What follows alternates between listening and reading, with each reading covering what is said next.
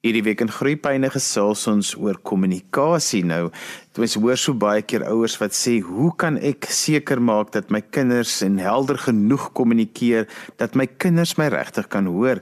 My gas vandag is opvoedkundige sielkundige LZ Fritz LZ. Dit is 'n probleem dink ek wat in alle huishoudings voorkom, maar dit voel vir my of op die oomblik meer voorkom oor so baie tyd nou met ons kinders spandeer by die huis. Hallo Johan, inderdaad, dit is so kommunikasie op die beste van tye is 'n vaardigheid wat baie inoefening vereis met ons kinders. En huidigelik as gevolg van ek dink volwassenes se eie angstigheid is ons kinders baie meer sensitief vir die wyse waarop daar met hulle gepraat word en dit wat hulle ook waarneem in terme van hoe die volwassenes met ander mense in interaksie tree en die boodskappe wat aan kinders gekommunikeer word en op die einde sit ons met baie kinders met reaktiewe autonome stelsel wat kommunikasie op die einde kan belemmer of vergemaklik. Alsit as ouers vir jou sê maar weet jy my kinders hoor nie wat ek vir hulle sê nie. Waar begin 'n mens so 'n probleem van 'n kant af net 'n bietjie um, uit mekaar uittrek? Belangrik dat ouers dan eers vir hulle self gaan afvra wat se tipe kommunikasiestyl het ek? Het ek 'n aggressiewe kommunikasiestyl? En dit kan baie keer die gevolg wees van iemand wat self geneig is tot baie hoë angstigheid en um, wat met ander woorde meer reaktief reageer. Want dan gaan jy 'n kind hê wat meer tipe van acting out gedrag het, wat meer bang of aggressief gaan reageer, wat meer gaan skree of gaan ignoreer. 'n ouer wat weer 'n meer passiewe kommunikasiestyl het, wat baie saggies praat, baie versigtig, half bang om vir die kind grense te stel, daai kind kry die gedagte die kind is in beheer. So daai kind word baie meer gehoor as wat die ouer gehoor word en so ouer kom tot by 'n punt waar hulle dan self hulle beheer verloor, dan gaan hulle oor tot by die aggressiewe styl waar die ouer voel net hulle stem moet gehoor word en die kind word verlore in die proses. En jou derde styl is jou ouer wat baie meer selfhandhawend te werk gaan. So daar's 'n ruimte vir beide die ouer en die kind se stem.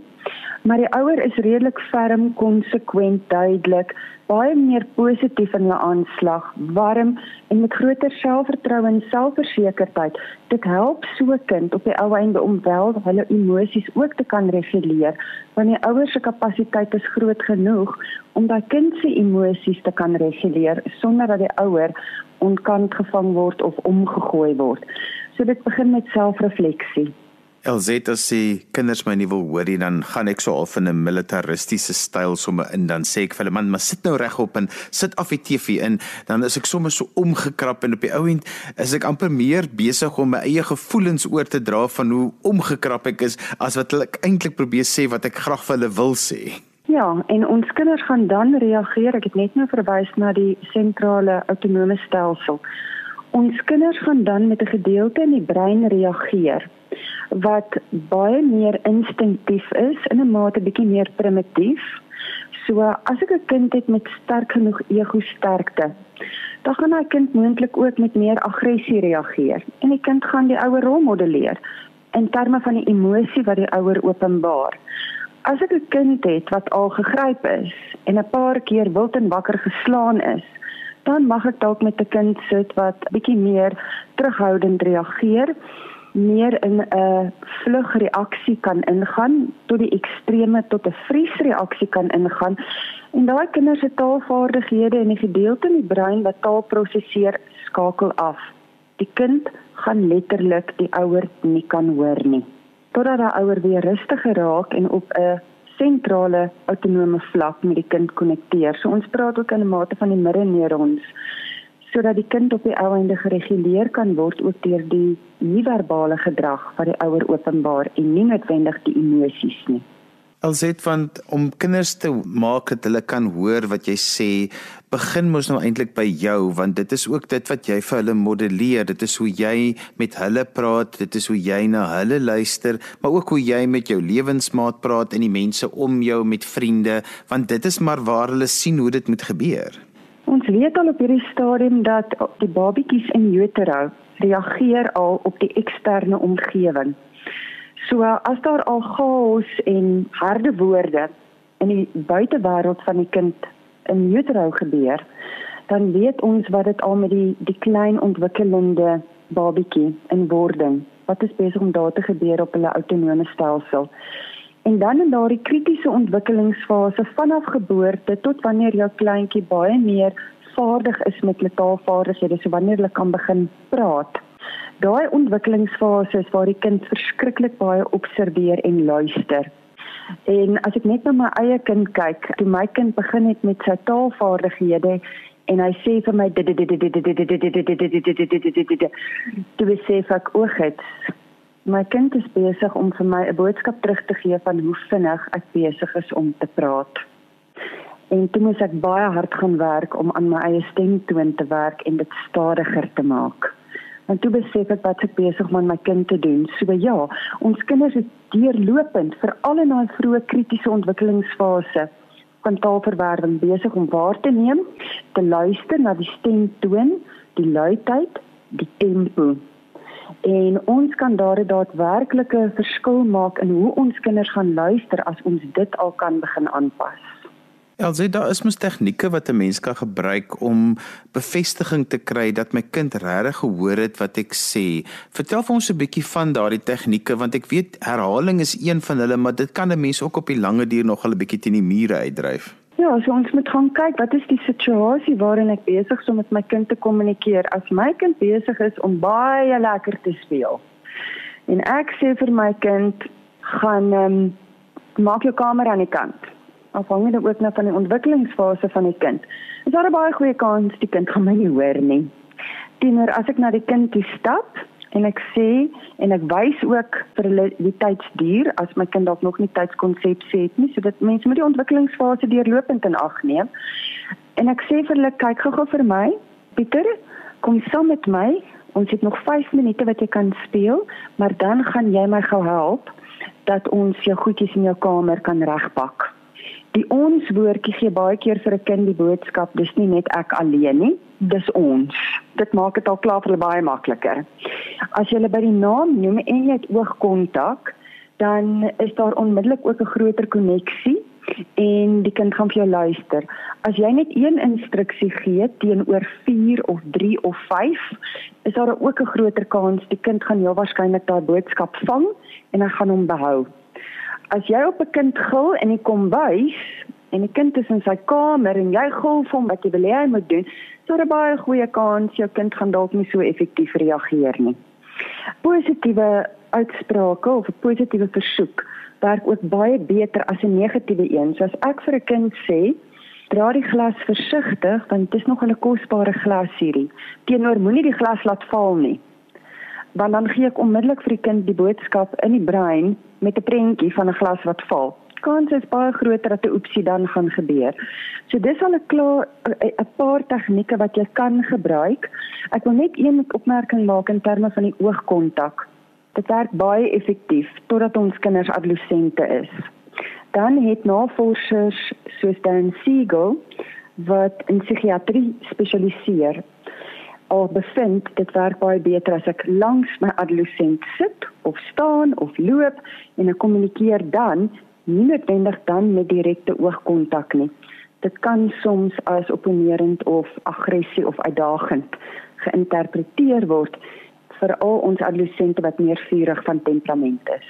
Dit as 'n mens nou met jou adolessent gesels, is dit mos nou maar altyd interessant dat hulle so klein bietjie langer vat want hulle moet so oor baie dinge dink en hulle eie identiteit is op hierdie stadium so in die voorgrond dat hulle baie keer 'n klein bietjie langer dink om te kan formuleer wat hulle eintlik wil sê. En jy as ouer weet al wat hulle wil sê en begin jy hulle sinne klaarmaak en dan begin hulle laat hulle ore toedruk of hulle maak later geluid om vir jou te sê maar moenie nou my jy dit raas nou te veel. Ek kan nie nou hoor wat jy sê en ook met jou kommunikeer nie ja so ons moet besef die hele brein se neurologie word verander tydens adolessensie En daar is verskriklik baie navorsing oor adolessensie, hulle ontwikkeling en Dan Siegels wat vir ons baie inligting daaroor gee. So daar's the whole brain chart en nou drama discipline. So dit werk baie beter met die adolessente as jy jou tydsgeleef moet goed wees as jy kommunikeer. Vroeg in die oggend op pad skool toe, die kinders nog nie heeltemal lekker wakker nie. Dis donker, dis koud vir die van ons kinders wat wel nog kan skool toe gaan daar moet jy regtig versigtig wees wat sê jy nou vir die kind. Vir ons kinders wat op hierdie stadium by die huis is en ek moet net sê ek het ontsettend baie deernis vir die ouers wat op hierdie stadium moet werk en die kinders by die huis en nog met huiswerk, onderwysers wat met kinders moet werk want ons sit ongelukkig met kinders wat op hierdie stadium baie keer meer geneig is tot reaktiwiteit. Jy gaan dit baie meer kry by die adolessente op hierdie stadium. So kies jou tydsgleef goed. Hoe meer aktiwiteite jy saam met jou adolessent kan doen. En dis nog 'n triekie een daai want adolessente wil nie altyd op hierdie stadium goed saam met hulle ouers doen nie en tog wil hulle ons ook by hulle hê. So dis 'n tamaletjie daai een vir ouers. So hopelik is die kommunikasiepatrone al redelik goed vasgelê vanaf baba kleuter tot by adolessensie want as jy dit nie goed gedoen het en jy wil dit dan eers doen in adolessensie het jy 'n baie groter uitdagende taak as die ouers wat dit van kleins af al begin bewerkstellig het. So jou tydsberaming wat ek genoem het is baie belangrik. Gee meer tyd don't sweat the small stuff. Moenie groot issues nou maak oor klein goedjies nie want dan is alles reaktiewe situasie en dan is daar by ons geen kommunikasie nie. Die kommunikasie breek af en die adolescent gaan al meer opponerend reageer in 'n tyd waarin ons nie wil hê hulle al meer ons noem dit die acting out gedrag. So kies jou gevegte baie oordeelkundig en maak seker dat jou eie regulering baie goed is, baie rustig. En dis waar ons dan soms van iemand anders gebruik wil maak om met ons adolescent te praat want miskien luister die adolescent na presies dieselfde boodskap maar baie beter en gemakliker as iemand anders dit kommunikeer as wanneer 'n ouer dit sê. My gas vandag is opvoedkundige sielkundige Elzet Fritz en ons praat 'n bietjie oor kommunikasie en hoe kan ek helder en duidelik kommunikeer dat my kinders kan hoor wat ek vir hulle wil sê en met hulle wil kommunikeer. Elzet, jy het nou in die eerste gedeelte al 'n bietjie verwys na kommunikasiepatrone wat gevestig moet word. Dit is nogal 'n probleem as kinders gemengde patrone kry of is daar nie 'n konsekwentheid in hierdie patrone is nie. Wat ek eintlik daarmee bedoel is is dat hulle nie altyd weet wanneer is jy ernstig en wanneer praat jy sommer net nie. En baie keer doen ouers ook allerlei vreemde goed om aan te dui dat hulle nou eintlik besig is om 'n kommunikasie doelwit deur te bring of 'n kommunikasie patroon hierso te volg en dan is daar baie verwarring en dit maak dat kinders baie keer nie kan hoor wat jy sê nie. Ek is so bly jy noem daai punt Johan. Ek gaan nou 'n voorbeeld noem. Ek sien baie keer kliënte en dit is nogal interessant in my praktyk baie keer seuns wat baie sensitief is. En as ek praat van sensitief dan dink ons aan ons sintuie. So wat hulle hoor, wat hulle sien, wat hulle voel, wat hulle ruik en smaak. En daai kinders sukkel soms as hulle 'n ouer het wat baie humor, sarkastiese humor gebruik, baie grappies maak met die kind en die kind verstaan dit nie, die kind neem dit baie letterlik op. En dan verstaan die kind nie wat die ouers hulle besig is om te sê nie. So dis een van die goed wat ons in ag moet neem is hoe presenteer my kind net wat hulle sintuie aanbetref want as hulle op hulle sintuie alreeds hypersensitief is. Dis die kans baie goed hulle gaan ook nogal sensitief wees op die kommunikasie vlak. En jou patroon van kommunikasie werk dalk nie goed vir jou kind nie. En dan moet die ouer hulle eie kommunikasiepatroon gaan verander. Jy kan nie dan verwag van die kind om aan te pas by die ouer nie. Veral as dit alreeds op 'n neurologies sensoriese vlak so is. En die ander dilemma is as 'n kinders het met twee versorgers en die twee versorgers kommunikeer heeltemal verskillend. So die een is dalk baie passief en die ander een is baie meer aggressief, dan sit ek met 'n kind wat tussen die duiwel en die diep blou see is en die kind weet nie watter kant toe om te gaan nie en dan vries daai kind en dan kan die kind glad nie reageer nie. En dan sê ek ook altyd vir ouers kyk 'n bietjie na jou kind, aan wie laat jou kind jou dink in die familie. Sit 'n bietjie meer soos ek gaan nou maar die tradisionele rolle gebruik, is dit dalk 'n bietjie meer soos die ma-figuur of 'n bietjie meer soos die pa-figuur en dan vra jouself af hoe reageer jy gewoonlik optimaal of wanneer iemand versoek aan jou rug? En wat werk glad nie vir jou nie. So jy kry byvoorbeeld kinders wat en volwassenes die oomblik wanneer iemand vir hulle sê wat hulle moet doen, jy sal dan kry jy baie kere deeltjie na 'n kind wat kop uitsteek en sê maar ek sal nie. En die oomblik wanneer 'n ouer dit kan identifiseer, dan weet hulle almal hoe om hulle styl aan te pas sodat die kommunikasie meer vloeiend is en daar 'n groter kans is dat die kind gehoor gaan gee. LZ as 'n mens dan hierdie patrone wil vestig. Wat is die goedjies wat ek in my hand moet hê wat ek moet sê maar hierdie is die reëls wat ek en die mense wat saam met my die kinders grootmaak moet volg. Wat is daardie nuttige wenke wat ek in my agterkop moet hou? Wees konsekwent in wat jy doen en weet kinders leer oor 'n tydperk en met herhaling aan die hand van rolmodellering. So konsekwentheid is belangrik. Wees konsidererend. Ons praat baie keer met ons kinders op 'n wyse wat jy nie met um, iemand met wat vir wie jy respekteer gaan praat nie. So daai is net so belangrik. Ek het gepraat van emosionele regulering, dis vir my 'n verskriklike belangrike ding.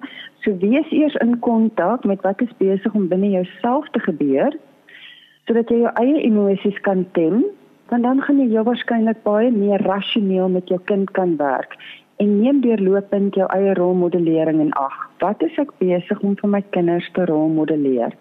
So ek kry die laaste tyd verskriklik baie kinders waar die ouers my kontak en sê my kinders luister nie en as ek dan met daai kinders werk, dan kom ek agter maar die kinders is so angstig dat hulle kan nie luister nie. So neem af van jou kind se nie-verbale reaksies want dit gaan dalk vir jou baie meer 'n uh, aanduiding gee van wat is besig om jou kind te gebeur. Hoekom is hulle nie besig om te luister nie? Dis nie net noodwendig omdat jou kind stout is en die lewe vir jou wil moeilik maak nie. Elsit een van die tekens dat ouers en kinders mekaar nie hoor nie is is dat as albei partye begin met die term wat ons altyd sê hulle uitreageer. Verduidelik vir ons wat ons daarmee bedoel en bring dit ook dan vir ons binne die konteks van dat ons nie na mekaar luister nie. So uitreaksie, ek het net nou gepraat van die ons autonome senuweestelsel. 'n Uitreaksie is waar ek in 'n mate my logiese denke word afgeskakel en ek reageer baie meer primitief. So ek is of in 'n vegreaksie of ek is in 'n vlugreaksie, ek wil net weghardloop of ek het afgeskakel. Ek het nie meer daai sosiale konnektiwiteit met iemand nie. Ek kyk nie hulle in die oë nie. Ek glimlag nie. Ek fokus op 'n kolletjie bo die kop of langs die kop en ek het in daai proses verloor ek dit wat my mens maak. My gesigsuitdrukking word hard en my stemtoon word baie hard of verdwyn heeltemal. En ons wil graag seker maak ons is baie gemaklik in ons liggaam en ons is rustig binne in onsself sodat ons daai interpersoonlike kommunikasie kan behou. Om interpersoonlike kommunikasie te kan behou met my kind of enigiemand anders, moet ek ook intra gekonnekteer wees. Met ander woorde, ek moet binne myself moet daar 'n koneksie wees. Ek moet kan kennis neem van wat is ek besig om te voel? Wat is die tekens wat my liggaam besig is om vir my te gee? Wat kan ek doen om rustiger te wees? In Engels sê ons baie keer pull yourself towards yourself. Want dan kan ek baie beter koneksie handhaaf met iemand in my omgewing en veral met my kind wat op 'n nie-verbale vlak tekens by my gaan optel. Baie meer as op die verbale vlak. LZ so laaste vraag. Baie ouers werk op die oomblik van hulle huise af. Hulle het nie 'n ander opsie nie. Dit is maar in die tye waarin ons nou leef. En dan baie keer het 'n mens 'n moeilike vergadering gehad en dit was moeilik geweest met die tegnologie. En dan skielik reageer jy en praat jy met jou kinders oor goed wat jy ander tye miskien nie eers sou opgelet het nie. En dan voel dit vir jou asof die kinders jou nie hoor nie. Hoe hanteer 'n mens so 'n situasie ten slotte Ek sê baie keer vir die ouers, nommer 1 na daai moeilike vergadering en jy kom agter in jou eie liggaam, dis nie gemaklik nie. Dis dalk 'n goeie idee gaan loop eers 'n draai in die badkamer.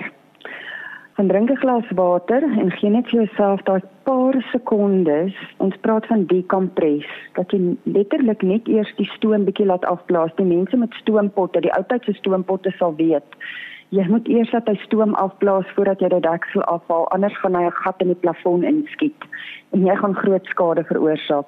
Dieselfde met ons kinders ook ons eggenote of ons geliefdes selfs ons troeteldiere. So gaan dekompres eers.